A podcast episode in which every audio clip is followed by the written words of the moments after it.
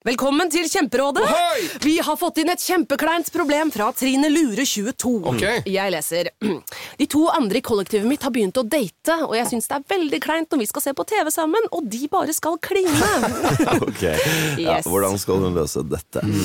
Siden Trine Lure er under 30, får hun jo ubegrenset data fra Telenor fra 399 kroner. Da Da kan hun sette seg på sitt eget rom, streame så mye hun vil på mobilen. Ja, hun kan jo se på nye mobilabonnement på telenor.no. Ja, det er lurt. En podkast fra Podplay. Jeg kommer sikkert sikkert å ødelegge masse boksalg og alt, men jeg kjemper jo så utrolig med Bob Dylan. Altså Tusen takk! Det er noe av det verste jeg vet å høre på.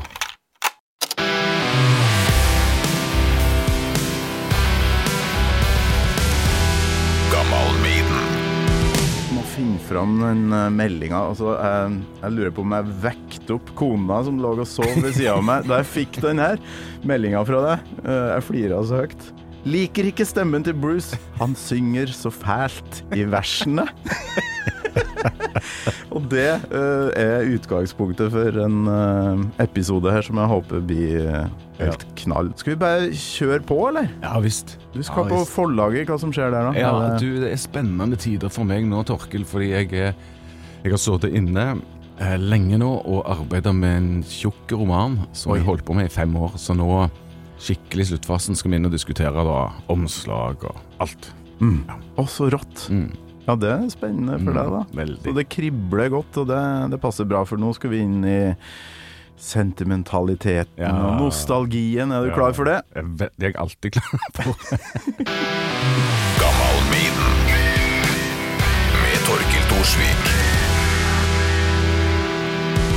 Tore Renberg, hjertelig velkommen til Gammal Maiden. Ja, takk skal du ha. Du var ikke vond å be. Nei, jeg er, jeg er jo en ja-mann, så det er nå det ene. Også alt som har med musikk, og alt som har med 80-åra, da, da sjekker du så skikkelig av på meg, altså. Ja, så utrolig bra.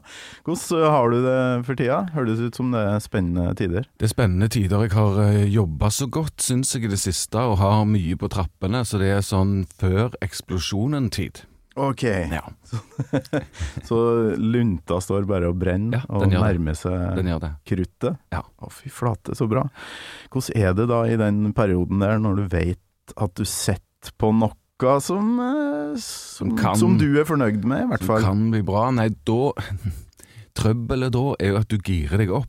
Får masse forventninger. Sant? Dette kan bli skikkelig bra. Håper folk liker det, og, og du vet. Og så vet du jo da at fallhøyden den blir jo større, fordi at du du stiger. Mhm. Så ok, det må du stå i. Det må du stå i. Så det er litt sånn dårligere søvn og, og litt uro, da.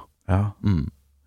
Du er, virker jo som du gjør så mye hele tida. Jeg skjønner ikke hvordan du får tid til alt. Eh, film og teater, Ja. eh, bøker og, og, og musikk oppi alt det Mm. der òg. Ja. Jeg har tenkt mye på det der, fordi jeg får høre det en god del. Ja. Og så er det jo sånn at inni meg så er ikke dette så mye. Dette er jo min rytme. Ja. Og så hører du om kolleger som gjerne gir ut ei bok hvert femte år, eller så ser du på, på kolleger i musikken som bruker liksom fire år på et album, og så skjønner ikke jeg det Mm. ut ifra min rytme. Men det er jo deres rytme. Ja. Så det er det man må skjønne, da, at alle har sin, alle har sin rytme. Men med den vanvittige produksjonen din, eh, satt du og skrev på flyet nå, for eksempel? Mhm. Altså? Ja, gjorde du det? Ja, ikke tull. Ja, jo, ja, du gjør det, ja. Ja, ja. Ja. På mobiltelefonen. Jeg skrev Jo, du.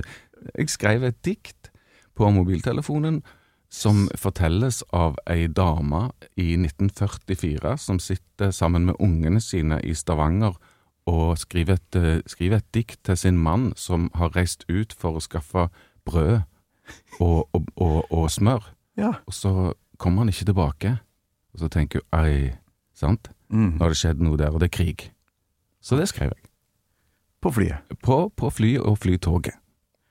Steike ta. Så du, ikke, du må ikke ha den der utsikta fra en spesiell stol i huset, eller eh, Nei. kjellerrommet som Stephen King eh, har skrevet alt nedi. Nei, nei, altså for å skrive tjukke, store, arkitektoniske, kompliserte romaner, så må jeg jo være på, på jobben min, på kontoret mitt, i byen, i Stavanger, men for å ta notater og, og, og så notere ned alt dette innfallsaktige, som mitt, eh, mitt veldig Jeg har jo et veldig jobbig hode, da. Altså, det durer på. Det høres sånn ut.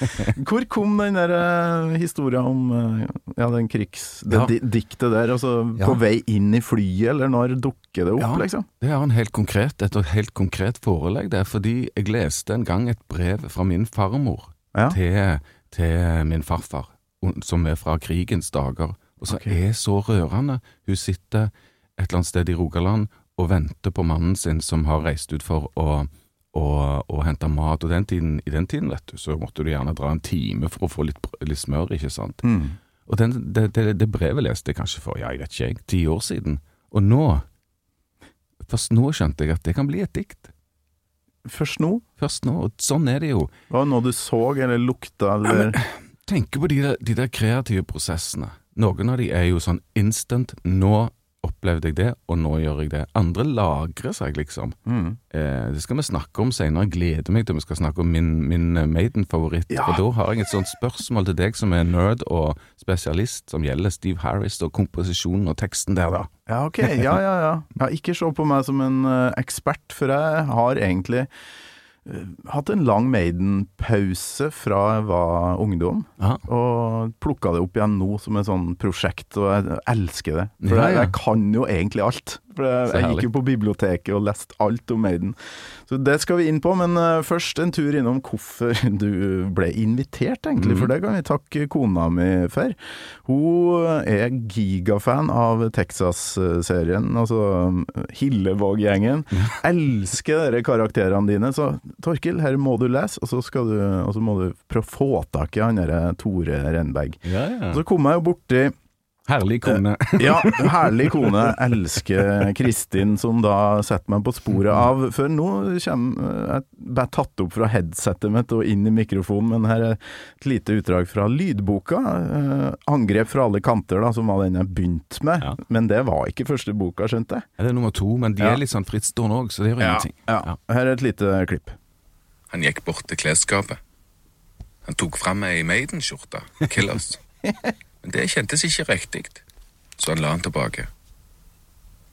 Det var utrolig mange svarte plagg i denne garderoben, tenkte han, da han lot øynene gli over innholdet. Jeg tror det handler om meg, den boka her. Svarte Hva er det med, hva er det med metal-folk og den fargen, Torkel? Ja, det er kanskje ikke så rart. Altså det, og logo og alt, det står seg så utrolig bra på svart. Ja, så, men jeg har noen blå og noen hvite, altså. Det, det, ja. det funker, det. Ja, nei, der var det litt Maiden i boka mi, ja. Mm. Ja, det dukker jo opp sånn titt og ofte um, Aerosmith, uh, ACDC, ja, mye sånn uh, ja, Ja. virker som du har peiling, så um, um, jeg skal komme tilbake til din musikk etter hvert, men Ja. nå har jeg lyst til å Nå er jeg spent på mest, mitt faste spørsmål. Husker du Tore Renberg, første gangen du hørte Iron Maiden? Jeg gjør det. Eh, da må vi spole tilbake til Jeg tror dette er 83. Og da gikk jeg vel i Skal vi se om jeg gikk Jeg var elleve år, da. Og da hadde jeg fått en kompis som hadde flytta inn i et sånt nytt, nytt byggefelt der hvor jeg bodde på Madla ut forbi Stavanger. Og det var noen sånne nokså små rekkehus hvor det bodde en del folk med alenemødre og sånt. Du vet, sånn som poppa veldig opp sånne bydeler da i den tiden. Og der bodde Frank, da. Og han var helt annerledes enn meg. Jeg er jo liksom borgerlig middelklasse-type. Mamma var min frisør, og jeg hadde ikke langt hår. Og ganske gode karakterer på skolen, sånn kjedelig type. Og der kom Frank, altså, med sånn stramme, supertighte eh, eh, eh, jeans, og bare übercool type, og langt hår. Så ut som han spilte bass i Maiden, eller sang i Wasp, ikke sant? Og dro på damer, vet du. Og Hanka de inn, og der gikk jeg liksom Hei, hei jenter, hei Bente. Hva, hei, hva skjer? Og så ble vi kompiser på en sånn en måte du husker gjerne. Noen ganger blir du kompis med de som helt liker deg. Ja. Og andre ganger er det de folka som du tiltrekkes av fordi at det er liksom helt sånn friks... Eller ikke friksjon, men sånn utrolig eggende avstand, da. Og han fyren, han spilte jo trommer, selvfølgelig. Dobbel basstrommer bare var kjempegod allerede, ikke sant? Og så plastra vegger med posters av Kiss, av Maiden, av alt det der greiene der. Så var metal-hodet. Og så, så var det det at han hadde kabel-TV. Og der dro jo vi opp da etter skoletid, og han hadde et sånn hjem hvor det var helt ok å slenge på sofaen etter skoletid Ja. og, og se musikkvideoer fra, du vet, Sky Channel og sånn som var den gang. Og det bare rant inn, vet du, og det var Madonna halvnaken. Og jeg var jo da en sånn ungdom som var jæklig tiltrukket av det der fargerike, ville 80-åra med Depeche Mode, med det der eh, SM-uttrykket sitt. Ja. Og, og ja, Frankie Goes to Hollywood. Jeg var jo medlem i fanklubben, jo. Oi, oi, oi. Sant? Og den der litt sånn den, Du vet, den var litt sånn hard. Ja. Den popmusikken, hvis du hører på Relax av Frankie Goes to Hollywood, sånn boom, boom, det tamper noe helt sinnssykt. Relax, don't do it when you wanna go to it. Relax, don't do it when you wanna come. Det var mye greier, da. Eh, Og Duran Duran og sånne ting. Um, og de der Få inn dere der fra sant? Sky og For det du var vant med, var Pompel og Pilt, liksom. Ja, også NRK den gang. Vi fikk se én musikkvideo annenhver uke, liksom. Ja. Det var den stilen. Ja. Og der kom hele verden. Rett inn. Alt du digga. Og så hadde vi en sånn fight i stua, meg og han Frank, da. For han, han, han reagerte jo og hoppet opp i, i sofaen når Wasp og eh, Quiet Riot og Motley Crew og Dio og du vet, og, og Maiden da kom. Mens jeg hoppet i stolen når People Are People og Relax kom. Men så var det det sant? Jeg kan godt huske jeg så Maiden, eksentriske Maiden, som bare tok det lenger. Og min første reaksjon var jo herregud, hva er dette for noe vanvittig opplegg, ikke sant? Så jeg likte jo ikke det, men jeg satt jo og så det musikalsk, da. Men jeg satt og så på det med en sånn jækla fascinasjon, som jeg tipper at Maiden-fans falt så jæklig for den gangen, med Eddie og du vet, alt ja, det ja. sjuke greiene. Japs. Så klart. Og så jeg var jo fem år i i 83, altså, så jeg skal ikke skryte på meg at jeg Og jeg hadde ikke tilgang på noe MTV eller Sky heller før i 91-92. Ja, for du er bygdagutt, er du ikke det? Jo, skikkelig. Kolvereid, eh, Nord-Trøndelag. Eh, Nesten på nordlandsgrensa, så det er ordentlig gokk, da. Ja. Eh, Ikke hadde en kompis med parabol som tok opp MTV, Headbangers Ball. Da. Ja. Men eh, kan du huske eh, i 83-ish hva det kan ha vært, da? Som var det første eh, Hvis det var video eller konsert eller Men da hadde Number of the Beast vært ute Ja. et år? Nei. Jo. Jo, sant? Så jeg vil jo tippe at det er Run to the Hills, eller en av de der bangers hit, Ja, hits ja. fra den tida, da. Ja. Vi kan ikke huske låtene, men det må jo vært Ja, tippe den, kanskje. Og det der drivende greiene sånn Jeg er jo rockegutt, så det likte jeg jo, men jeg tror bare ble satt ut av hele måten de gjorde det på, og den der ville operafyren i front, ikke sant? Ja.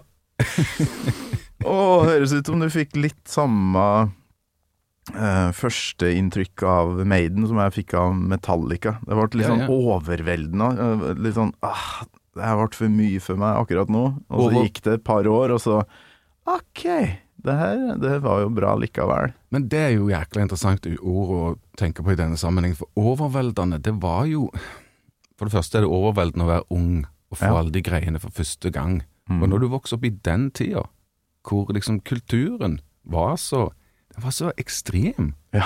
Det var så drøyt, alt, alt mulig. Bare se på bilder av sånn Boy George, eller Ja. de, de var drøye. Og, og, så han var jo på en Altså Dickinson og den gjengen var jo på en måte en i den der mengden av drøye ting. Mm. Hvis du ser på kulturen, da jeg vil egentlig si veldig mye av det britiske, sånn, uh, hva er det dere kaller det, British New Wave of Heavy Metal? Ja. New, new wave of British heavy metal. Ja, ikke sant? Hele den greia. Hele den greia. Og så har du den nye popmusikken hvor alle kler seg ut sånn transkjønna, og du vi ser Jeg husker Jeg husker godt mamma, da. Oi, oi, oi. Jeg hadde hengt opp plakat av eh, Depeche Mode der, og det var jo med den SM-greiene og alt det der. Og mamma sånn Ja, men er de gutter eller er de jenter? Kan du ikke henge opp en plakat av ei jente? Og så fyrte jeg opp Madonna halvnaken, og mamma bare Er det ingen er det ingen som ser skikkelig ut? Det fins ikke noe mellomting her. Hvor er Inger Lise Rypdal, liksom? Ikke sant. Så hver retning var, var, hver retning var drøye. Ja. Eh, og det er superinteressant. Eh, Popmusikerne var drøye, rockemusikerne var drøye, metal-folka var drøye, og eksperimenterende. Mm. Det elsker jeg å tenke på nå. At jeg var ung, da alle bare Alle bare hadde sånn rom for Egentlig er det avantgarde. Bare det blir, det blir jo mainstream, og det blir populært. Men det, alt dette pusher grenser. Kate Bush, altså for, et, for ei heks, ikke sant? Ja. Kom igjen. Men der dukker det opp mye greier, altså. Podkaster om låtskrivinga hennes, og ikke minst etter den her Stranger Things-bruken av låta hennes. Altså, Kate Bush er på å eksplodere på nytt. Det er så råbra rå bra musikk. Hun er vill. Hun er helt vill, altså. Ja. Men da lurer jo jeg på um, For meg var jo Maiden det bandet som bare er sånn Ok, eh, det her er en verden jeg må faktisk må vite alt om, eller jeg må i hvert fall holde på mer med musikk. Hva er det jeg drevet på med? 4H? Hva faen er det? Nå, nå er det musikk som gjelder. Eh, Hva var liksom bandet, eller artisten, som gjorde det for deg? Som gjorde det for meg. Da må vi spole litt, litt lenger tilbake. Sånn, sånn, sånn akkurat ved inn, slutten av 70-år, inngang til 80-år. Da er jeg sånn 7-8-9 år, og det er liksom da går jeg fra å høre på barnemusikk og sånn, til å bli liksom få dåpen min. Og det er faktisk den dialektbølga som kom i Norge. Og da må vi opp til dine trakter. Og husker du coveret på Ramp Ja, av Åge Aleksandersen? Ja, ja, ja. Det koker litt røyk og rødt rundt han, og så har han de der vanvittige brillene og det krøllehåret, så står han og viser fingeren. ja. Fy faen, Og så de låtene, da. Rotsekk, drible vekk, og så er det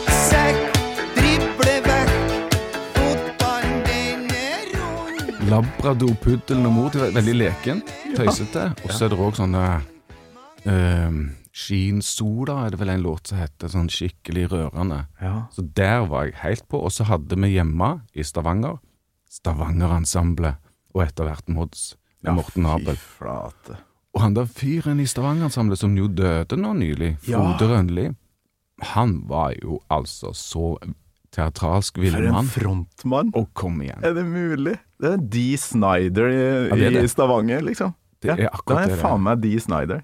Så da var jeg åtte år, ni år, og han lå her, altså, han var på TV da, Stavanger-ensemblet var på TV, så ligger han og synger, svetten Ja, siler, fy faen, så svett. så han kveila eh, mikrofonledningen om halsen mens han synger. Nå går natta opp i liminga og mørkna skrumper inn, jeg ligger langflate på gulvet, kan ikke finne fingeren min. Fy faen, så jævla bra. Ja, dere gjør Det setter noen inntrykk, altså. Kom, I altså. Rett stempla rett i hjernemarken. Nå går natta opp i liminga, og mørkna skrumper inn. Jeg ligger langflate på gulvet, kan ikke finne fingeren min. Da var jeg om bord. Da var jeg om bord i, i rocken. Absolutt. Jeg, nesten, jeg fikk nesten tårer i øynene, for det, det er så sterkt, akkurat det her. Eh, særlig med han vokalisten, for han husker jeg det svette trynet. Ja. Men fy flate, så kul han er! Han ligna på fattern, men han, var, han var liksom eh, gone bad, da. Han var jo helt vill. Ja, ja, ja. ja. Rå fyr. ja. Var det Var vel ikke alderdommen? Var han syk, han, eller? Ja, han, han fikk en komplikasjon i beina av alle ting, og, og, okay. og så men Han var jo i kjempeform nå mot slutten her, og han jo levd et tøft liv og, og sånn, men eh, mot slutten her de siste åra så rocka han skikkelig på, da. Mm. Så det var, det var et tap for, um, for regionen og for Rocke-Norge, da. Ja. Mm. Men for en epoke. Uh, lest nylig at um, Åge Aleksandersen han gikk solo etter Prudence, så måtte de skrive på sånn lappa, eller sånn klistremerke på platene, eh, og forklare hvorfor han sang på dialekt. For, det, for hvis du sang på dialekt på den tida, så ble du ikke tatt seriøst. Da trodde folk at det var humor. Akkurat, ja. Eh, Så vær så snill, ta nesten, ja. nesten et sånn please ja. ta musikken seriøst. Eh, Åge Aleksandersen snakker den her Ja. dialekta eh, 24-7. Nå synger han den også. Det der er En veldig forklaring. Veldig interessant, altså, fordi mm, Så kommer The Kids med 'Hun er forelska i læreren', og så kommer det litt sånn lettere pop, Mods fra min by, Tore Tang og sånn. Ja. Og så kommer jo Dolly, som jeg likte. Eh, og så kom eh, Dolly, ja. Jannicke, svake menneske, og, og, og han der eh, 'Livet er for kjipt'-typen. Ja. eh, og da kommer det jo mye Og så kommer de seriøse, tunge postbunkerne, de aller verste, og kjøtt og sånn. Men da er det jo Ok, det jeg skal si nå, det er at jeg er så takknemlig for at jeg var ung da vi brukte språket vårt. Mm. For det har jo danna Altså, jeg ble forfatter, og jeg tenker at noe av grunnen til det, det er at jeg hadde denne kreative bruken av vårt språk Mm. rett rundt ørene. Ja. Ja, kan uh, ha hatt en uh, finger med i spillet, det. Ja, ja, ja. Og her, nå snakker vi Madla, ikke sant? Og så han Frank der. Ja, ja. Var, det, var det mange sånne typer på Madla, eller? Ja, du har du hadde jo sånn eh, det, det er lett å Nå er vi i nostalgiens farvann, du og meg, sant? Ja, ja, ja. Lett, superlett å mytologisere over en lav sko. Røyka han eh, rullings, for Nei, eksempel? nei, han begynte nok å røyke litt seinere, men det var jo sånn Jeg opplever den tiden som u-uniformert. Det var dårlig. Lite uniformert tid. Ja. Og det ser jeg tilbake på som jækla herlig. Du hadde metal-folka i skolegården sant? som gikk med skinnjakkene og Motorhead. Motorhead liker Motorhead. Ja, ja, ja. Uh, uh, Motorhead-jakkene sine og det der lange håret. Så hadde du sossejentene med bålgensere nede i buksa. Så hadde du oss, litt, oss som var enda da litt forsiktige, som begynte å bli friker Mm. i niende klasse, liksom. Så du hadde sånn bredde av uttrykk som jeg tenker er så supert, fordi da må du bli kjent med mangfoldet, sant? Ja. Så jeg elsker at jeg fikk lov å være med på akkurat det, da. Gikk du litt sånn imellom her og ble kjent med flere, eller var det Ja, for det, ja, Det gjorde jeg. det er jo kjedelig å være ja. i bare den ene gjengen, tenker jeg. Ja, jeg gjorde det. Eh, Veldig lenge så gikk jeg sånn søkende uh, imellom. Mm. Før jeg da, jeg, som jeg sa, når jeg kom til niende klasse, så, så kom han der nokså pompøse, nokså pretensiøse typen opp, som, som da hadde bestemt seg for at jeg tilhører det alternative gjengen. Jeg hører på The Cure og The Smiths og Imperiet for Sverige, og jeg liker ikke det der mainstream-greiene, sant? For da hadde jeg liksom jæklig behov for å ta avstand til det. Ja. Ja. Ja, det gleder jeg meg til når vi skal snakke om uh, Maiden etter hvert her. Men eh, jeg husker veldig godt den der eh, De prøvde å uniformere seg der jeg kommer fra, men det var ikke ressurser til det. Tilgang på det. Det var ikke butikker med sånn Mm. type klær, da. Så det var bare hår. Hår var alt, og røyking, da. Ja. Så Hvis du røyka, så var det jo litt metal. Men det Men det var boblejakke og sånn skeivgåtte snowyogs. eh, Ja. Alt sammen hadde samme Men når jeg tenker Nord-Trøndelag, så tenker jeg liksom pub med en fyr som spiller Creedence, og, og så tenker jeg liksom god, gammeldags rock'n'roll og så dans på lokal. Er det sånn, eller? Ja, ja, ja. Det var, var jo sånn jeg vokste opp. DDE begynte jo å, Ja. å, ja, å røre på seg da jeg var sånn 14. 13-14. Fy fader, de holdt på lenge.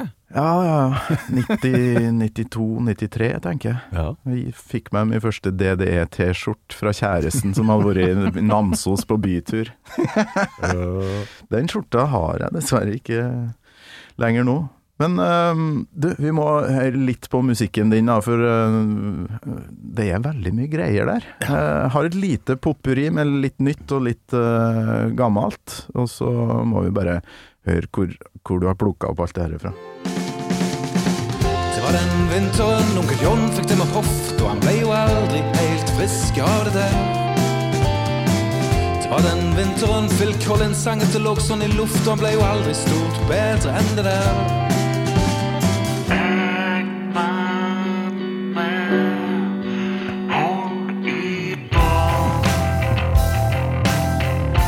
Er bassen her.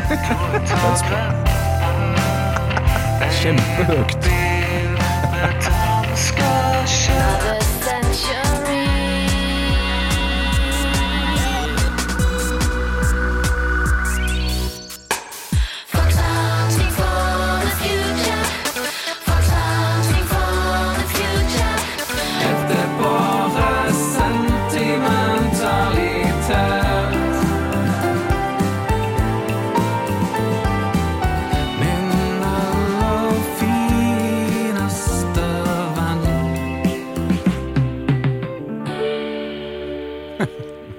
Spellemann i åpen klasse går til Det var litt sånn Spellemann-aktig potpurri, det her. Men eh, eh, jeg lurer på om du sendte melding, for du, du melder veldig mye. Ja, til å være er forfatter så tenker jeg sånn Har han, har han virkelig tid til å drive og melde meg så mye? Jeg er sånn nysgjerrig type. Jeg er utrolig lettantennelig. Jeg er Ja. Som en fyrstikk, altså. Ja, virker som du, når du ble Oppløst. invitert, så åpna det seg ei dør her. Du bare begynte å spørre masse. Ja. Ja. 1982, 1983, fantastiske år, metal, metal. Men du, du skrev til meg at du er sjangerfri fyr, da. Og det hører jeg jo her. Ja, jeg, jeg er det. Faen, så mye Og- band du har hatt. Ja, masse band og alt mulig. Nei, jeg, jeg har hatt noen sånne mer katolske reindyrka perioder som det har vært betinget av sånne identitetsprosjekter og sånne ting, men så har jeg levd et liv med, med glede for å så oppsøke de ulike sjangrene. Jeg har jo klassiske bakgrunn òg. spilte fela, eller fiolin, i fem år. Ja. Så jeg var ikke noe flink, jeg øvde for lite, men jeg har hatt så, og jeg har så stor glede av, av å få, liksom, få utløp for den nysgjerrigheten i alle sjangere jeg klarer å ta inn da jeg sliter med Jeg sliter med trad blues, trad, sliter med trad country, og sliter med opera. Men utover det, så Altså, sett på Bach for meg. Å, herregud, kjør noe skikkelig prog tidlig Genesis. Jeg blir helt vill av å høre på det. Eller sånn som du hørte her, den søte bergenspopen, egentlig. Ja. Eh, som jeg har likt og liker så godt. Også det som du hørte som nummer to her, som heter Det amerikanske valget, som er litt sånn mm, dekonstruert stygg. Stygg postpunk-greie. Så jeg flakker, flakser og flakker overalt med, med nysgjerrighet, altså. Ja. Mm. Ja, det var bandet um, Stavanger Energi, Ja, eh, ja, det var det. Ja, og så Modangaru. Ja er mitt eksentriske Hvordan uttaler man det? For det Nei. var det med den kvinnelige vokalen der. Ja. Fox Hunting for the Future. morsom Modangaru er japansk. Eh, Du skriver et japansk uttrykk på, med, med norske bokstaver, og det Modangaru, det er modern girl. Modangaru. Ja, ikke det vittig? Okay. Jækla bra. Ja, det spilte jeg i to år kanskje i dette her en, eh, eks, veldig eksentrisk teatralsk, eh, analoge synthpopband da. Mm. Ja, så jeg har prøvd alt. Ja, Fy flate. Musikken for meg er jo sånn Jeg har ingen ideer om å bli, bli eh, popstjerne eller spille for, for 5000, men det er sånn kjærlighetsgreier som jeg har holdt på hele livet. Med musikk så kan jeg ikke slutte med det. Eh, og har det veldig fint med det, og så er det kult hvis noen liker det, og hvis ikke, så ja, det er òg helt i orden. Ja. Steike ta for et eh, åpent eh, sinn, det, det liker vi. Jeg har hatt noen sånne innom, innom her, som bare er helt eh, Ja. sjangerfri egentlig, og så må de jo ta et valg etter hvert, men Og så metal, du. Det har jeg måttet jobbe med, fordi det kanskje ikke ligger for denne litt pyntelige, høflige gutten. Eh, fordi jeg, det, når jeg var liten, det skremte jo etter meg, spesielt Lemmy, Ja. som jo er sånn ah, Er han egentlig livsfarlig, sant? Ja, ja, ja. Antagelig var han kanskje det. som er så dirty og og eh, akkurat som skrekkfilmene, eller hva jeg skal si, eh, var når jeg var liten, Mm. du beveger deg inn i det reelle mørket, Ja. mens Maiden jo leker med det. Ja. Det er jo teatralsk, de leker, det er jo et postmoderne band, mener kanskje jeg, altså, som har det gøy med alt mulig, mens Mm. Lemmy er jo der. ja, det er livsstil. Mm. Satt på Rainbow uh, i Los Angeles og spilte uh, sånn uh, kronespill. Ja. Og drakk eh, Jack, liksom. Det var det han gjorde når han ikke var på turné, for det, det var livet. Ja, så drev han jo så klart og, og samla på sånne nazieffekter og sånt. Selvfølgelig. Uniformer, tanks og hva farsken han drev og kjøpte inn. Vil man. Noe må han jo bruke pengene på. Ja. Men uh, det er jo et låtvalg vi skal innom her, og du skrev jo soleklar uh, favoritt, klassiker, Number of the Beast-plata, tittelkuttet, Run to the Hills, Hallow Be Thy Name, Invaders, fantastiske låter. Men du tar ei annen låt. Ja, ja, til dels fordi disse er så utrolig ikoniske og, og sånn, og til dels fordi at jeg syns at dette kuttet her, det er liksom litt eh, underkjent. Og så er det ganske symfonisk. Eh, Så der kommer liksom prog, eh, eh, eh, eh, klassisk musikk-biten deres inn.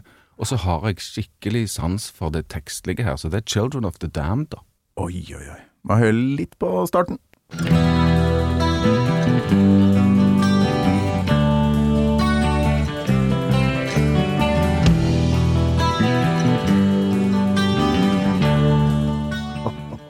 Ja, kom. Ah, Hør på den kordrekka der, melankolsk og tungt. Det er bra. Jeg er helt solgt jeg, etter eh, Jeg husker jeg fikk den Kjøpte en sånn Fame Belly-kassett, eh, The Number of the Beast, på grunn av coveret. Ja, ja. Og elska tittelsporet og Run to the Hills, altså, men det var noe med den her. Det er noe med den uh, oppbygninga som de kanskje har stjålet litt fra tidligere sånn Sabbat-ting. Ja. ja. Og så blir, det, det. så blir dette rippa i stykker av Metallica, sant? Ja, ja, ja. ja for det, det Alt er jo beslekta i, Ja. Ja. i metallen. Og i alle sjangre, liksom. Den forestillingen om originalitet, den er jeg litt sånn hissig på å diskutere og så knuse litt, for jeg tror ikke noen av oss er det. Altså, det finnes jo en eller annen start en eller annen gang tilbake i det dype historiske, men alle står liksom i en suksesjon, og alle jobber i forlengelse av noe og brytes mot det, og da, liksom da, sånn som disse gjorde da, da oppstår det jo et eller annet. Disse, hva hadde, Torkel, hva hadde Maiden i gryta egentlig? Tegneserier, skrekkfilmer, Oh yes. Eh, du kan være om dette. Altså, Alt. Klassisk musikk. Alt jeg elsker, elsker nå, og elska da jeg var tolv år. Og prog. Ja, ja, Også, ja. også noe Prog. sånn uh, skotsk folk, eller hva det er. Å, geez, nå- Ja, det går bra. Forlaget. Forlaget. Kommer du, kommer du. Um, uh, ja, noe folkgreier, sånn som du får høre på Gary Moore og sånn senere. Og så har de Så har de jo pop. Altså, de har jo Det er jo det med Maiden. Det er skikkelig melodiøst band. Mm. Deilig. Ja, jeg er helt enig. Det er, det er litteratur her òg. Mhm. Dikt, Ja. gamle dikt, Ja. og mye, mye gamle bøker, da. tok meg litt tid å oppdage det at eh, mange av disse metal-folka som Når du ser dem, så tenker du oh jeez, det er ikke mye bøker og lesing og skolegang her. Og så skjønner du etter hvert at mange av de er jo liksom sånn semi- eller sånn eh, eh, skjulte intellektuelle folk som leser masse mytologi og, Ja. historie og, og poesi og sånn. Ja. Vet ikke om du har hørt noe særlig på Thomas Seltzer eh, og Trygdekontoret, men eh, Jo, jo. jo, jo. der har vi en kar som har lest sin eh, Nietzsche, for å si det mildt. Og så svartmetallgjengen, sant. Gjør de noe annet enn å lese mange drøye, mørke bøker? Ja, men jeg tror ikke det er bare Jeg tror det er mye filosofi og Mm. den slags òg. Og ikke minst på 70-tallet så skulle jo alle sangene handle om Mordor og Ja. Ja, ikke sant. hobby, ja, hobbits. Så Men det- Maiden må jo ha hørt De må jo ha hørt mye på, på, på proggen. Ja, ja, ja. Dette her som breier seg ut og reiser med deg, det, det er gøy, liker jeg. Men så er det jo da noe som jeg sliter skikkelig med i Children of the Damned og i Maiden. Og hvis jeg tør å ta dette opp, Torkel Jeg vet ikke om jeg tør å komme her og snakke om det. Du er, du er ikke den første, for å si det sånn. Jeg syns det er bra, men jeg tror vi skal høre litt på verset, og så kan du jo fortelle meg hva det er du sliter med her. Ja.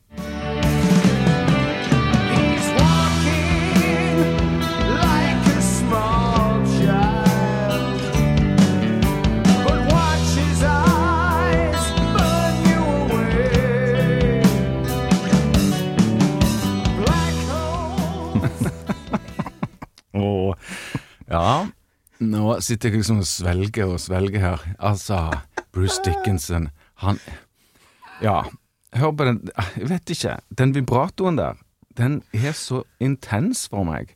Jeg får så lyst til å si til han Bruce, hei, rolig nå, ikke ta ut alt hele tiden. og, og liksom så synger han sånn up front hele veien. Så jeg sier sånn, ok, litt dynamikk nå, Bruce, spar litt, spar litt. Og så kommer det der som jeg får hetta av, som er sånn Small child Som, som liksom Dala i Og så er Og så er det, jeg liker jo alt det andre, svære, flotte kordene, og det er masse, masse klang og sånn. Og så kommer han inni der, og så er det liksom som om jeg og han jobber mot hverandre. altså, jeg jobber så hardt. Og så syns jeg han, når han legger stemmen litt ned, og synger litt flatere og mer rock, da, da liker jeg han mye bedre. Dette er trøbbelet mitt, altså. Alle, Ja, ja, ja. alle Bruce Dickinson-fans. Tore Renberg, beklager. Jeg har hatt eh, mange gjester som sliter med Bruce, og med Steve Harris sin basslyd. Den litt klekkete Mm. eh, De strengene da, som slår litt mot oh, ja. Ja, det eh, ja, bassisten i Mayhem, Jørn Stubberud, sleit vel, sliter veldig med Fordi den. at det er for, for Det organisk, eller? Ja, det skal ikke Bassen skal ikke være et hovedinstrument, men det har jo. Harris på et vis gjort, og det elsker sånne som meg, da. Det liker jeg. Det liker jeg veldig godt. Jeg liker bassister som tror de spiller gitar. Ja! Samme her. Eller som tror at de er vokalister. Ja, ja. Mm. Åh, nå kjenner jeg at det, det ble varmt her. Altså, er det et engasjement som har våkna her nå? Jeg Det er det. Og så får lytteren da Vi er ikke på- det største rommet i hele verden her. Nei, jeg skal borte på airconditioningen her. You're listening to a podcast. I'm Bruce Dickinson. You're not. And you're listening to Gamal Maiden. Ja, jeg har tatt av eh, genseren allerede. Jeg kom jo fra Stavanger, og og så kom jeg til ganske kalde Oslo, sant? så jeg måtte hive av meg. Ja, var det litt uh, mildt i Stavanger i morges? Det er alltid litt mildt i Stavanger, men nå har vi faktisk rundt null for tida. Så da føler vi at det er steinkaldt, vet du. Mm. Men uh, vi beveger oss på, skal vi se, refreng, eh, og så lurer jeg på om du Ja. liker når, han, når det er refreng, og han faktisk egentlig har lov til å trykke på.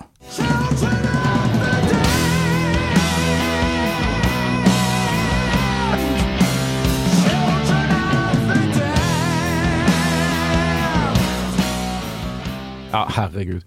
Det går ikke an å ikke like dette. Og her, her skal Bruce gjøre dette, og så liker de der synkoperte gitarene. Og trommene som kjører. Alt er riktig her. Ja, fy flate. Elsker det. Ja, ja.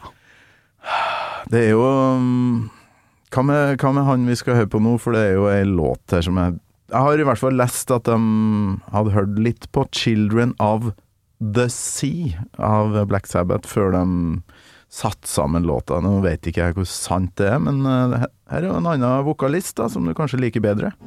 Reaching for the stars, we blind the sky.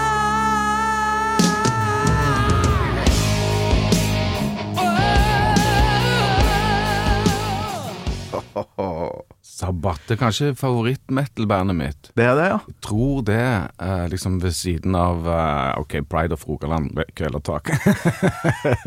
Ja, du elsker kvelertak, du òg. helt inn Ja. Jeg syns de er helt Mulig at det Rogaland er litt sånn det girer det ekstra opp, men de opplever jo som nest, nesten redefinerende for, for i hvert fall for norsk metal. Ja. Og hvordan de blander alle Sånn Maiden gjorde da.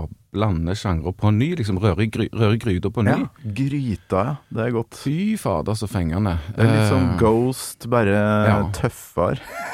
Ghost tar jo, Tøffere, ja. tar jo litt Def Leppard, Bon Jovi 80-tallet, mens uh, Kvelertak har god smak, da. De God smak. tar det tøffeste av det tøffe og lager catchy ting av det. Smarte, vet du. Smartinger. Smart. Ja. Her- Hofstad og Her var det Sabbat, og her var det Ozzy. Nei, det her var Ronny James, Sant, det var Dio, Ja. Og det er jo vanskelig. Det var ikke Ozzy, for det hørtes ikke ut som Ozzy. Um, så Der er det jo en slags todeling Ja. i metallmiljøet. du kan være sikker Ossi på best eller Dio best? Ozzy er så bare way out bedre. Og, uh, og han Ozzy er Det er ingen som synger som Ossi. Nei. Han har sånn For å ta en helt drøy parallell Hvis du hører på Pet Shop Boys, det er ingen som synger sånn som Neil Tennant. Maybe I.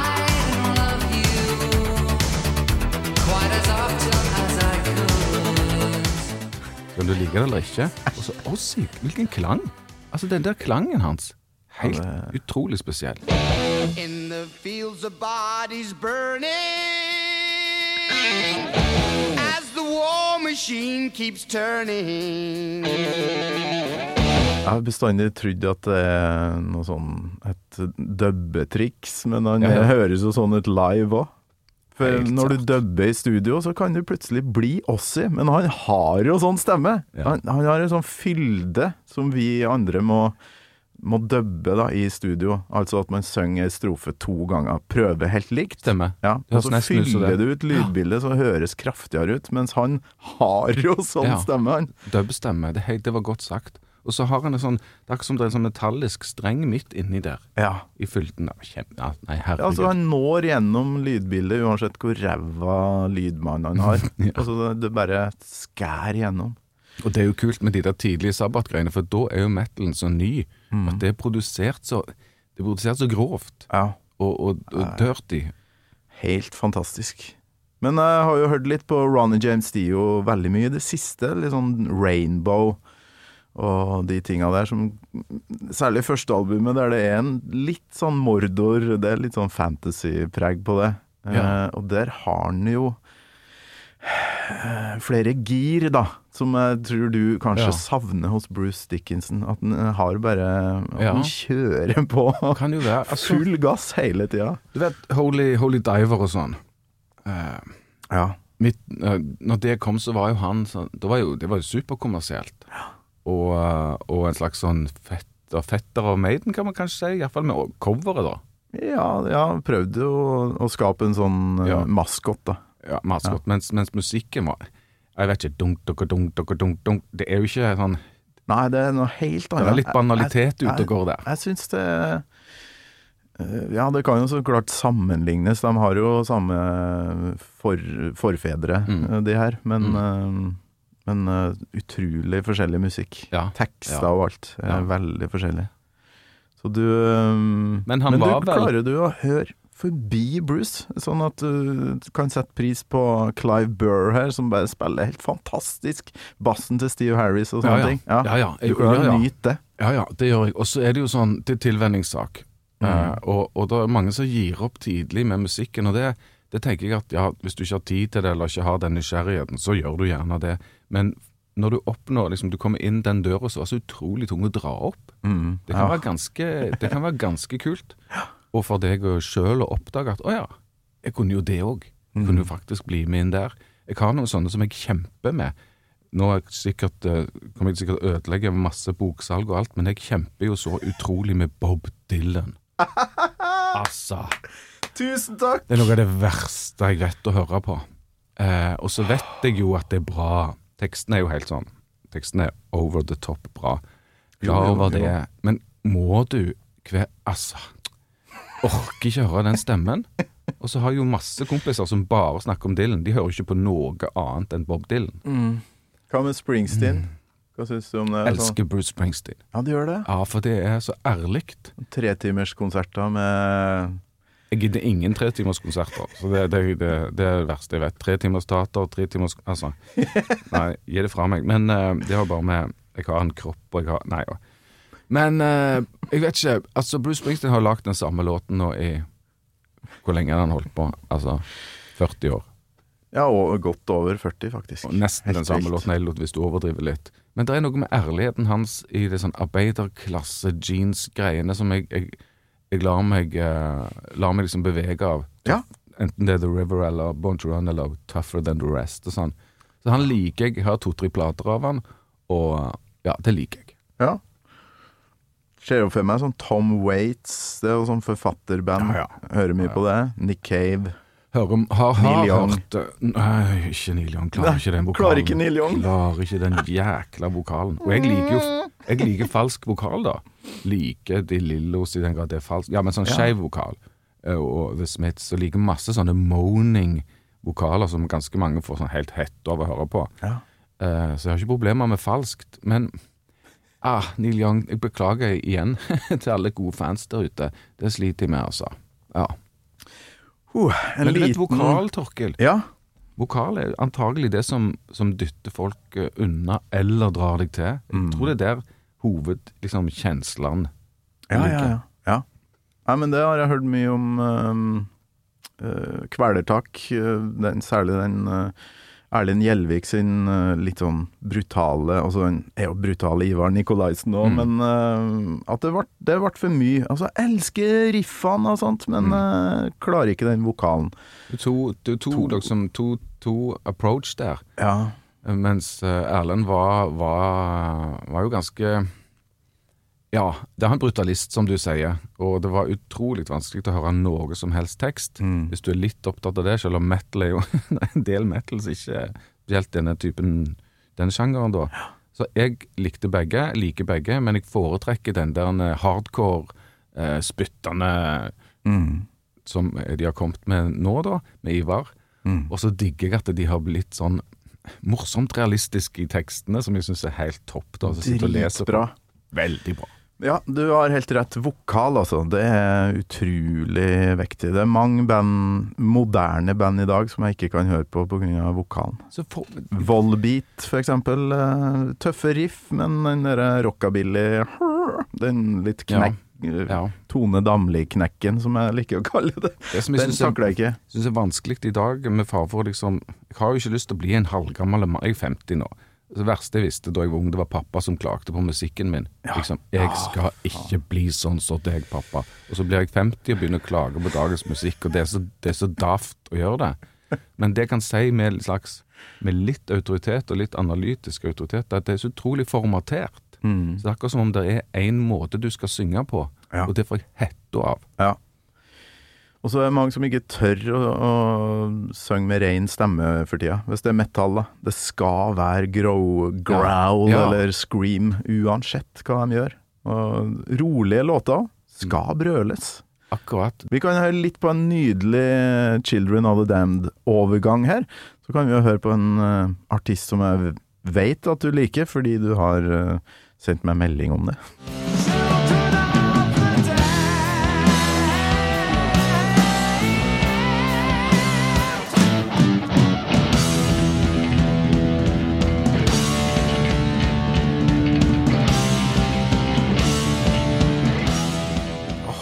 Bare- Overraskende! Ja, men også bare la akkorder få ligge og henge litt. Mm. Dun, dun. Det er så deilig. Fy fader, det der er bra. Det skjer nesten ikke nå til dags. Nei, nei. nå ble vi dinosaurer igjen. men du sendte meg seint på kvelden, sikkert midnatt eller noe sånt. Han karen her har jeg hørt mye på i siste, og her er en av Maiden, Richard Dawson, og her er et lite klipp fra låta A Tip of an Arrow, og det er jo kan, Han må jo ha hørt på Maiden.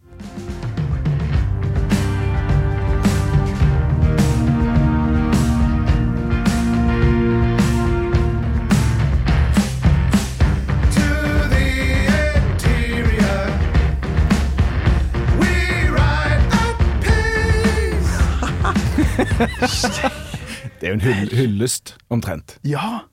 Richard Dawson det er en utrolig raring fra Newcastle der, uh, som går i fullstendig bananas alle retninger. Masse middelalderfolk, og så er det pur pop, og så er det dette her metal-greiene.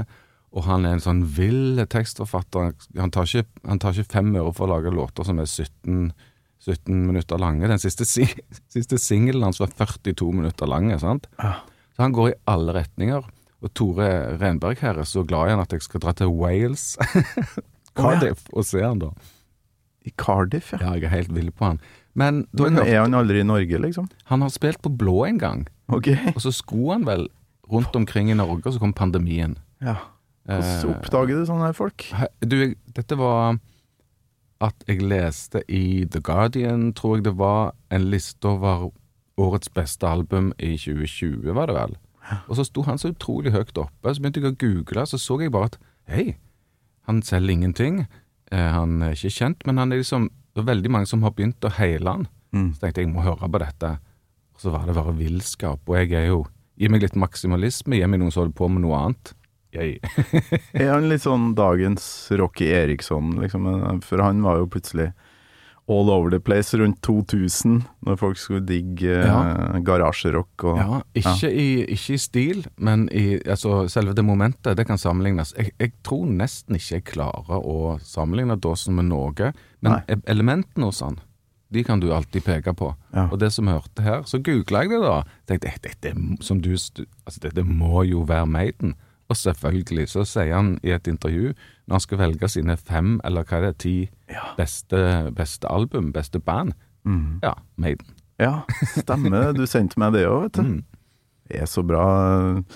Det er noen eh, gjester som tar det litt lenge, og litt mer seriøst enn andre. Sånn, ja, ja, noen sier bare sånn anytime, uh, finn et tidspunkt. Mens uh, ja, du og Stian Karstensen, som var innom her, fantastisk musiker. Herregud. Meldinger utover natta og 'faen, hør på det her', og ditt og datt. Og det er jæklig kult. Du, for det første så får ikke jeg så mange sånne henvendelser lenger, fordi om jeg har skrevet mye om populærkultur, så er det liksom skikkelig gøy for meg, eh, etter at jeg har diskutert eh, noe heavy litteratur på litteraturhusene rundt forbi, eller sånn. Så det er herlig for meg å bare få lov å svømme litt i dette vannet. Som jeg, jo, Ja. jeg har jo egentlig masse kompetanse på det, men jeg er ikke der hele veien, da. Nei. Er det første rock- eller metal-podden du er med på? Absolutt. Det Det er det? første metal-podden, ja. Ja, Og rock, ja. Tror jeg faktisk òg, ja. Uh, ja. Nei, for jeg har jo fått flere sånne tips, egentlig, fra eh, folk som har lest Mathias Fallbakken. Der er det Mm. mye sånn Maiden-greier som dukker opp, så kanskje det blir mer forfattere her fremover. Men tror du ikke, Torkel, at det har to årsaker? Det er fordi det er bra musikk, og det har gjort så sterkt inntrykk på oss. Og så er det fordi at uh, Maiden og metalen her, den satte seg jo i kulturen. Mm. Sånn at vi har, vi har jo båret det med oss eh, som figurer i livene våre. Altså Mm. metal-hodene rundt forbi. Ja. representerer de Så de er en del av fortellinga. Ja, ja, ja. Men de, de her karakterene i, eh, i Texas-serien, da. Mm. Jan Inge og Mm. Rudi der. Ja, for du jeg har vel hørt eh, i et tidligere intervju at du hadde en ganske alkoholisert far, men ellers så var familien din ja, ganske ryddig. Ja. Du var ikke en sånn kriminell, du? Absolutt ikke. Altså, min CV med, med, med, med krim er så liten at du, du, du ikke finner den. Så dette er jo en høflig gutt. Jeg, jeg var redd for å pushe grenser i livet når jeg var liten, så de pusha jeg i kunsten. Men for meg å bli med den der gjengen som du skjønte at nå skulle de ned og rane, rane den lokale butikken, jeg var ikke han som Jeg tålte ikke det. Du stoppa i skogholtet? Ja, ja, eh, absolutt. Og ehm, ja, ja, ja. Så familien min er, er en vanlig norsk familie fra middelklassen, rekkehus. Dessverre min elskede pappa som, som ehm, ehm, ja, løste sine problemer med sprit, og det er Når du bøtter ned på store mengder av det, da har du liksom passert Nord-Trøndelag, sant? Da, da, da Det går ikke. Nei. Det går ikke. Da, da destruerer du deg sjøl rett og slett. Så det var jo eh, ikke, ikke, ikke greit. Så det er jo sånn du, du må jobbe med hele livet. Det må jeg, da. Gikk det den veien av spriten òg med han, eller? Hvordan gikk det? Klarte han å kvitte seg med det? Nei. Han hadde opphold mot slutten av livet, og det gikk veldig, veldig bra. Og så Jo, han kvitta seg nok med den tunge spriten, men han begynte vel å drikke litt igjen mot slutten uh, der. Men når han døde allerede 60 år gammel, så er det vel ikke noen Det er ikke noe doktorgrad i noe som helst for, å, for å, å, å mistenke det for å ha med, med et sånt liv å gjøre. Nei, nei. Mm, mm. Nei, det er jo rart å snakke om foreldrene sine sånn, i Mhm. retrospekt sånn, men du er jo kompis med mister Knausgård, som eh, har god erfaring, med, eller Ja. kanskje både gode og dårlige erfaringer med det. Eh, får du reaksjoner, du? Sånn 'det her er for nært', Ja. Ja. når du skriver? Eh, det, er ikke, det er ikke uten Det er ikke udelt eh, bra for meg personlig, og det er heller ikke uten risiko for meg å prate om det i det offentlige. Så hvis du hadde liksom pusha meg på at vi skulle sitte her en halvtime nå og prate om dette, så hadde jeg nok bare trukket grensen. Fordi at mamma og onklene mine og sånn Liksom, hvor mye skal jeg holde på med det? Eh, og det har jeg jo jeg, har, jeg, jeg krever det rommet, for jeg tror det kan hjelpe folk. Og så sier jeg òg på et eller annet tidspunkt OK, nå må vi prate mer om, eh, om um, Wasp. Ja. Nei, helst ikke, forresten. Det er det band jeg syns er tøy, tøyseband. We, ja. Blackie. Blackie Lawless og Wasp. Lurer på om jeg skal på konsert med dem snart, jeg. Du, hør på høre. 40-årsjubileum, Wasp, faktisk. Wasp, Twisted Sister og til dels Maiden, men de betrakter jeg som tross alt mye mer seriøse.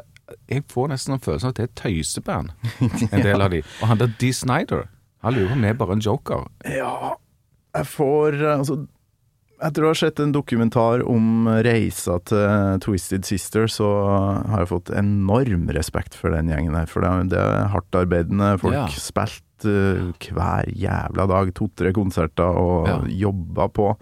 Men gimmicken og sminken og det der, ja, jeg er helt enig. Wasp, eh, akkurat det samme, men eh, kanskje mest ekstreme er nok Manowar, altså. Ja. Det, det sliter jeg Ja. ekstremt med. Men Twisted Sister ble jo, de var jo til, de kom seg inn på diskotekene da jeg var ung, med We're Not Gonna Take It og, Ja. og, og den der uh, Hva var det den andre heter da? Det var sånn I Wanna Rock. ja, Kom igjen. Ah, Og det var jo det, Da tok det av på, på ungdomsklubben. Ja, men du fikk jo kanskje sett i um, musikkvideoen da de var ny, for jeg så dem jo i 19, ja, 91 da, og Ja. syntes de var jæklig kule da. Det var sånn Michael Jackson for meg. Det stemmer Han det. derre pappaen der. De var jo What do you wanna do with your life? I filmet. Wanna rock. Det er jo, Michael Jackson har jo stjålet det på Black and White med Macaulay Culkin der. Stemmer. It is too late and it's too loud! But Dad, this is the best part. You are wasting your time with this garbage. Now go to bed! Dette her inngår jo i en sånn tid hvor det er sånn milliardbudsjetter så å si på musikkvideoen, og de er fortellinger, de er episke, og de ser til forveksling helt like ut som, eh, som uh, Breakfast Club eller Tilbake til fremtiden osv. Så, videre. så de, Ja. de går inn i hele den der eh, populærkulturelle visuelle stilen, som jo Stranger Things, som du nevnte, bare har rabba. Ja, ja, ja. Men det jeg lurer på da, på Madla her, Mm. hadde du penger? Kunne du gå og kjøpe deg album? eh, Nei. En sånn samling, liksom? Eh, kunne ikke det. Vi tok opp fra radioen som no Vi satt klar med, med fingrene på kassettspilleren, og så var det ti skudd eller et eller annet sånt, og så tok du opp eh, eh, favorittlåtene dine, og gjerne tok over når du var blitt lei av de. Og så kunne jeg få ei plate hver tredje måned, eller en kassett eh, før jeg fikk egne penger, og så ønska jeg meg alltid til jul, og da var det liksom helt fantastisk, for da kunne jeg få tre album på julaften. Eh, og jeg husker den gangen broren min som hadde begynt å jobbe i olja, eh, så en, en jul fikk jeg liksom fem LP-plater.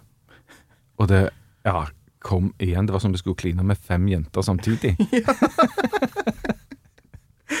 Ja, men det her kan jeg relatere til, for jeg hadde heller ingenting. Og jeg har så mange gjester som um, Ja, og så fikk jeg med Power Slave, og så kjøpte jeg Aces High-singelen, og så hørte jeg B-sida der, og så bare sånn B-sida singler? Hadde ikke tilgang på det. I hvert fall ikke rå. 15 år, begynte å gå med avisen og sånn, så begynner du liksom å bruke den. Uh, og da hadde jeg, fikk jeg ukeslønn, så da begynte jeg å kjøpe tolvtommer av Depeche Mode og bla, bla. Da brukte jeg liksom alle pengene mine på det, men tidligere før det, nei, det var bursdag og, og sånn. Kjøpte du noen gang noe Maiden? Nei. Nei, nei, nei. Jeg var ikke der, vet du. Jeg kunne ikke gjøre det. Eh, men jeg kjøpte La meg tenke. Altså, jeg kjøpte jo noe Jeg kjøpte noe Kiss. Det skjønner jeg ikke hvorfor jeg gjorde, for jeg kan ikke fordra Kiss. Unnskyld alle Kiss-fans. Eh, og eh, Kan ikke fordra, eller syns uh, enkeltlåter kan være kul? Ok, da. Uh, uh, Detroit, Rock, Detroit Rock City. Er ikke den heter? Mm. Oh, jeg elsker det. Den- Black, Black Diamond. Ja, jeg er nok Ja. Gene Simmons-type. Mens når jeg var ung, så var jo disse Da var jo Paul Stanley hadde tatt over og ville bli popstjerne. Og, og ble det jo. eh, Med disse Ja, I Was Made for ja, Loving For eksempel. Og Ja. da, da følte jeg at eh, Nå er du på feil turf, mister. Altså, uh, dette er det andre som kan bedre enn deg. Mens uh, jeg overdriver. Jo da, jeg er litt sånn Gene Simmons-mann, men med Kiss så tror jeg rett og slett at det tegneseriegreiene Det har dytta meg unna. Jeg likte det når jeg var elleve, for da likte jeg det Mm. på samme måte som jeg likte, likte liksom superhelttegneserier. Mm. Og så ble jeg bare bitte litt eldre, så tenkte jeg nei, men jeez, altså. Dette er bare et tøyseband. Så det Dette vet jeg at Kiss-fansen vil hate meg for, men jeg klarte ikke ba Nei, jeg klarte ikke å ta det alvorlig, altså. Nei. Nei, det er et eller annet med Maiden som har en dybde som man kan bruke litt mer tid på, da. Ja, ja.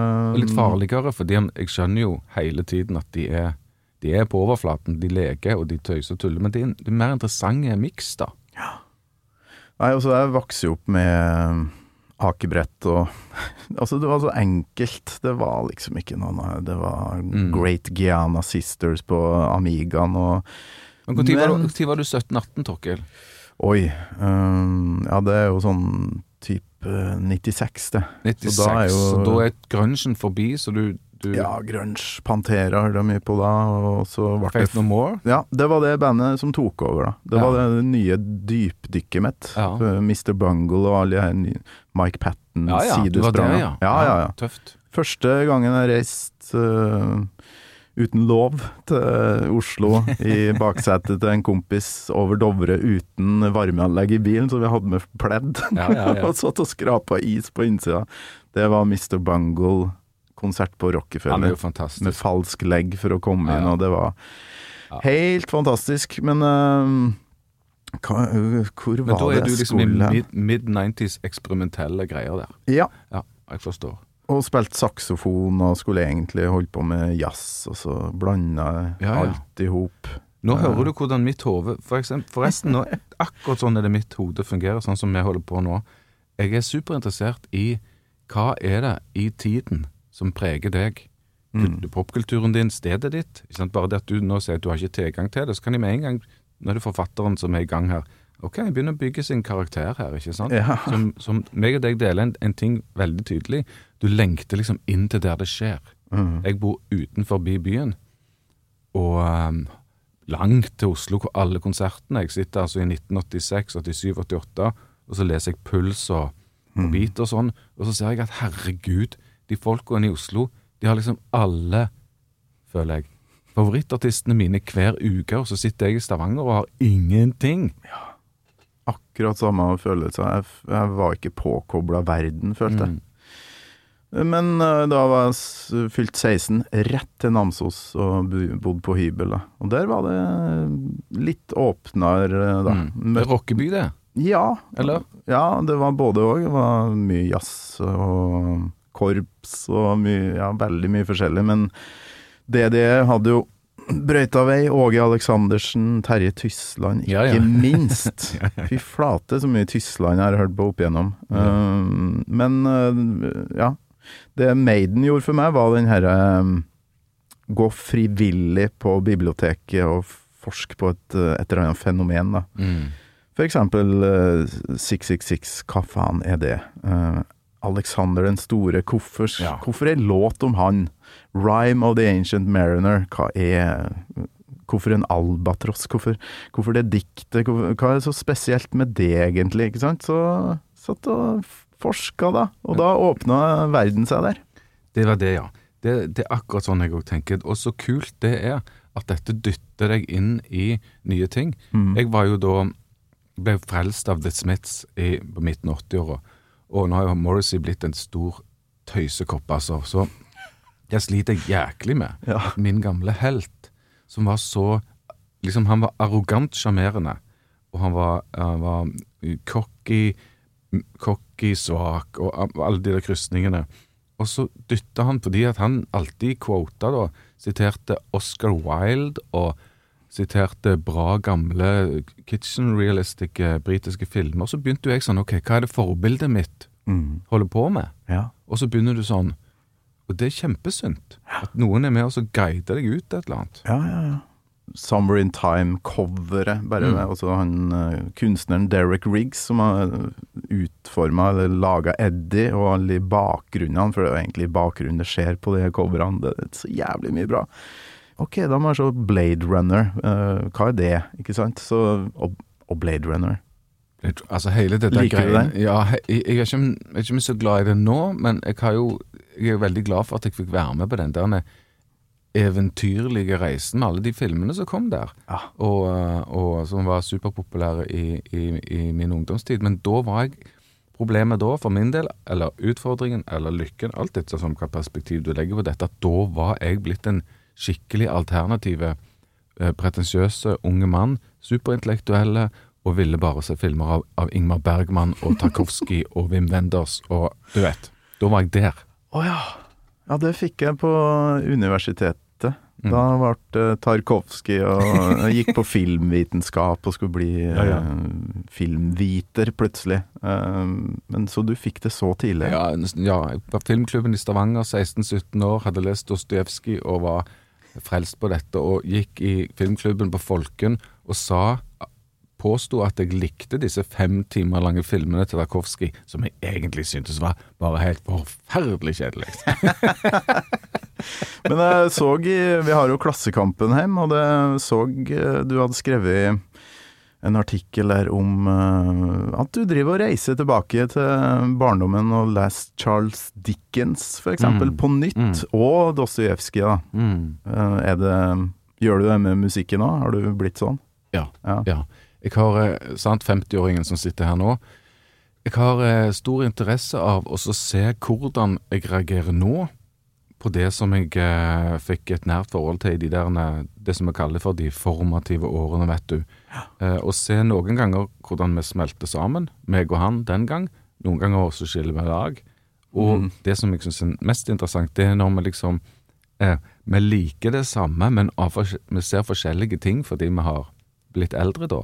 Og det så jeg masse av når jeg leste Dickens nå, og Dostevskij, hvordan jeg ser at alt det der historiske, politiske greiene, som jeg ikke Jeg hadde ikke kunnskap, og jeg visste ingenting om det den gangen. Da Ah. leste jeg kun disse forfatterne fordi at karakterene er så utrolig kule og ville og, og sånn.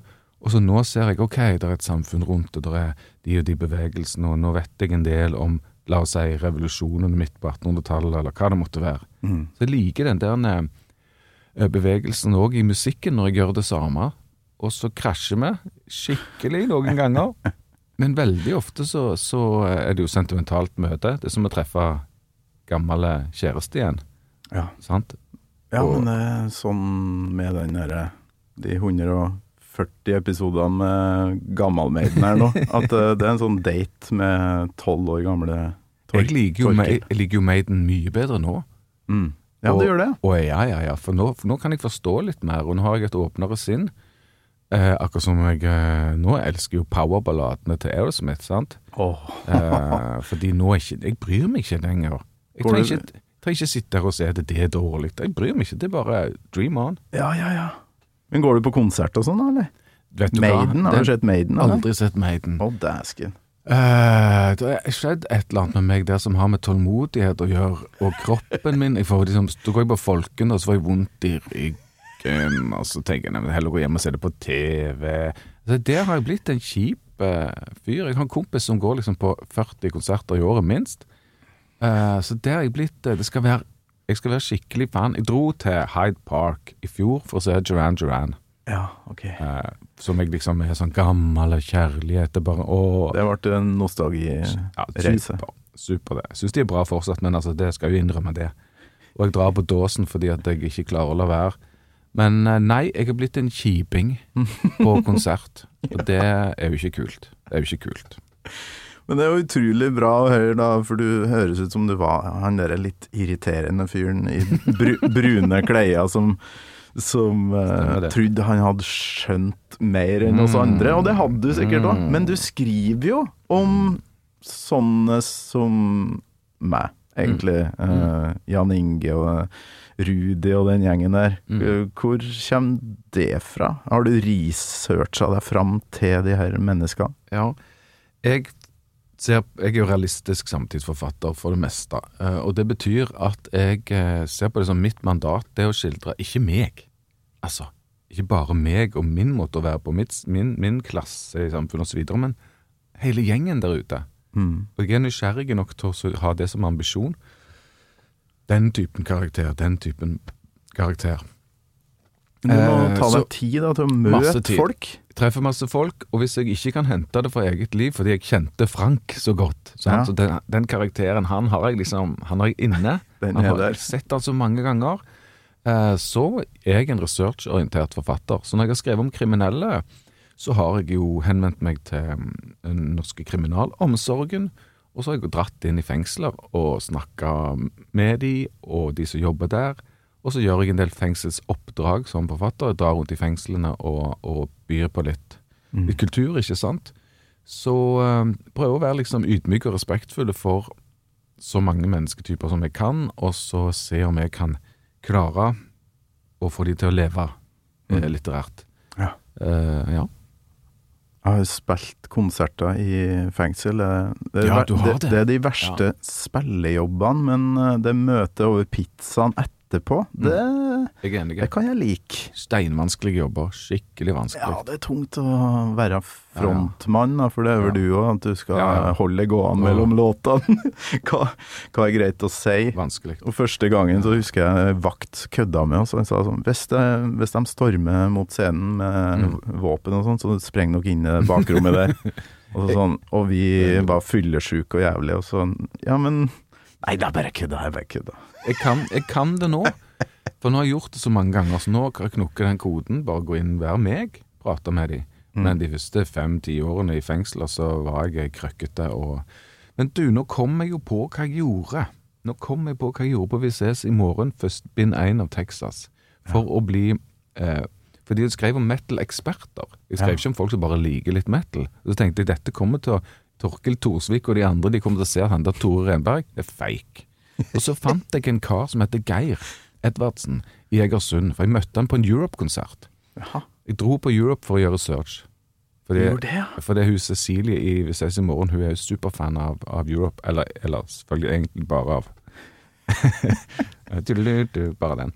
Bare Final Countdown, ja. Og den der balladen Carrie. Carrie. Ja. Men ok, whatever. Så dro jeg der for å se hva de, hva de holder på med. Og de var jo bra. Ja, ja, De, ja. jo gjort, de, de, var- de, de utfordra mitt syn på Europe så intenst, hvor bra de spilte, og hvor mye annet enn disse tøysesangene. Ja. Og så sto det en dude ved siden av meg, en litt svær fyr i sånn metal-outfit.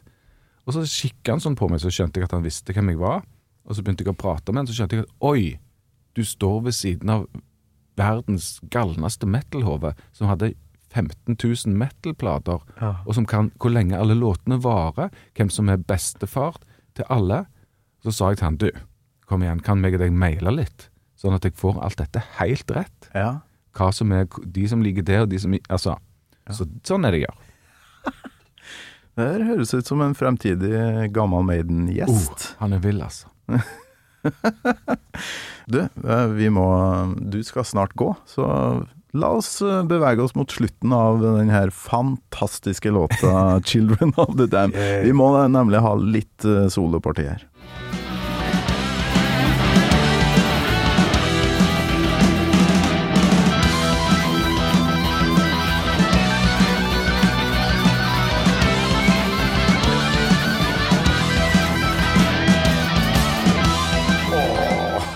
Det siste breaket der.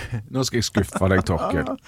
Her hadde jeg foretrukket eh, Hva heter han eh, gitaristen i Genesis? Nei, du, eh, gitarista i Genesis. Ja. Ingen aning. Ja. Ingen altså, aning. Det, det her greien her hvor det er sånn Hvor fort kan du spille solo? Det er ikke jeg interessert i å høre på. Altså, det, da, da syns jeg Komp her, alt er så bra, så hvorfor lager du ikke en sånn For han er jo så bra melodisk. Mm. Så hvorfor lager han ikke en Hvorfor går han ikke videre på hovedtemaet? Så her, her blir jeg skuffa. Ja. Men, men siden, uh, siden uh, beaten og alt uh, bandet er så bra, så, så digger jeg å høre på det. Men som solo så er jeg litt for sånn Ja, da er jeg for nysgjerrig til å digge denne uh, Joey det, Hva var det han sier, han? Eh, Hvem er det som sier Yngvi? Yngvi Malmsten. Ja, ja, ja.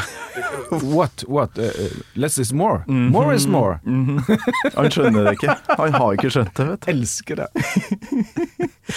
Men det skuffer meg ikke i det hele tatt, for det her er jo de sekundene her. Uh, hadde jeg vel ikke plukka ut pga. gitarsoloen. Ikke en bra solo, syns jeg. Jeg lurer på om det er Dave Murray som bare lar det stå til her. Og det er kult nok, men sånn Kirk Hammett-runking, ik ikke for meg. Men de har jo Dave Murray, som av og til roer det ned, men Adrian Smith, som eh, som må kjøre noen nydelige soloer. Han er litt mer blues, Ja, ja. bluesorientert, da, men uh, mer melodiøs. Mm. Så hør mer på hans soloer fremover. Ja. Uh. Det var gøy, det Slutten, var gøy dette. Ja, dritartig. Vi må høre den f- forferdelige stemmen til Bruce Dickinson en siste gang her nå.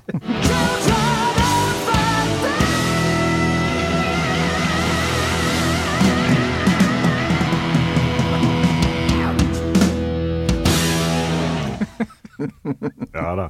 Han, han Hva skal du gjøre når du kan det? det er òg litt sånn. Ja, ja, ja, ja. Han kan gjøre det kveld etter kveld, han blir ikke sliten engang.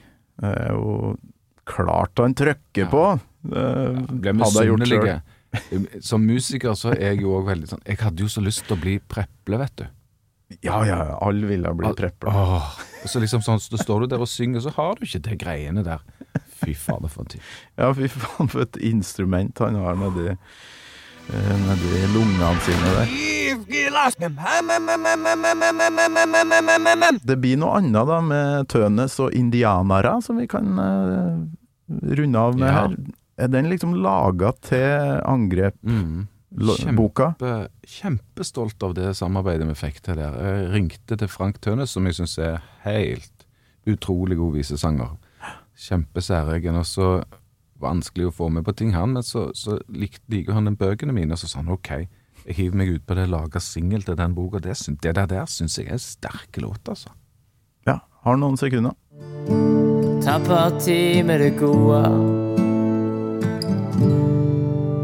Meg og deg, meg og deg.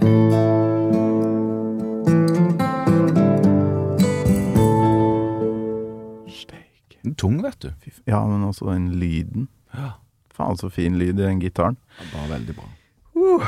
Så eh, for ei reise, ja, så utrolig kult at du eh, egentlig har gått kanskje og venta litt på å få lov til å tømme deg litt på, på metallkunnskapene metal eh, Ja, reisen. dine. Du kaller det reise, og det er jo det det er. sant? Al- Ja. Alt dette er en del av reisa. Herlig å få lov å snakke litt sånn rundt det, og ut om det, og snakke om det som du òg er eh, har et friksjonsfylt forhold til. Liker og søker og til dels ikke liker, og snakke litt ordentlig om det. Det liker jeg. Tore Rønberg, tusen hjertelig takk for at du tok turen innom. Takk for invitasjonen. Gammal Maiden med Torkel Thorsvik, en podkast fra Radio Rock. Det var den vinteren onkel John fikk det med hoft, og han ble jo aldri helt friske av det der.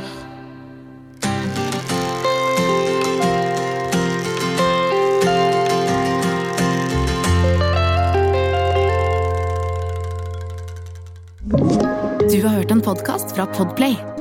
En enklere måte å høre podkast på. Last ned appen Podplay, eller se podplay.no. Det er en deilig følelse når noen tenker på deg. Men det er ganske deilig når noen tenker for deg også. Når du velger Kolonihagen, kan du være trygg på at noen har tenkt for deg. Dyrevelferd og ansvar er hensyntatt, og du kan bare nyte den gode smaken. Derfor har vi i Rema 1000 et stort utvalg av økologiske kvalitetsprodukter fra Kolonihagen til en lav pris. Rema 1000. Det er sluttsummen på valgene vi tar, som teller.